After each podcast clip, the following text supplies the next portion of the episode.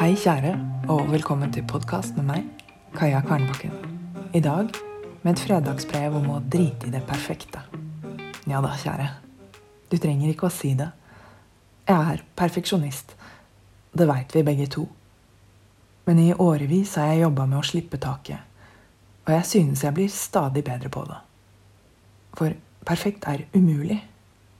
Ingenting er perfekt. Ingenting. Og spesielt ikke når vi skal begynne med noe nytt. Det tar tid å finne ut av hva som funker for oss. Kanskje har du lyst til å skrive en halvtime hver morgen før ungene står opp, og går på med friskt mot bare for å krasje etter fem dager. Du har ikke feila. For det første har du skrevet fem dager mer enn før du begynte. For det andre har du fått viktig informasjon du kan bruke til å justere veien din.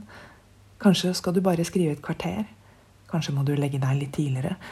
Kanskje skal du heller skrive om kvelden, eller rett etter jobb.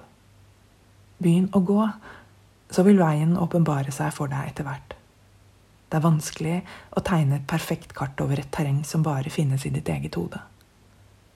Hvor sitter du fast i ideen om det perfekte? Fortell gjerne om det i sosiale medier, og tagg meg. Måtte uka di bli vidunderfull. Din Kaja. Forresten, 30. april starter en ny kursrunde i skrivemedlemskapet mitt Skriveriet. Har du lyst til å ta skrivingen din på alvor? Gå inn på kajakvarnbakken.no skriveriet for å lese mer. Vi høres.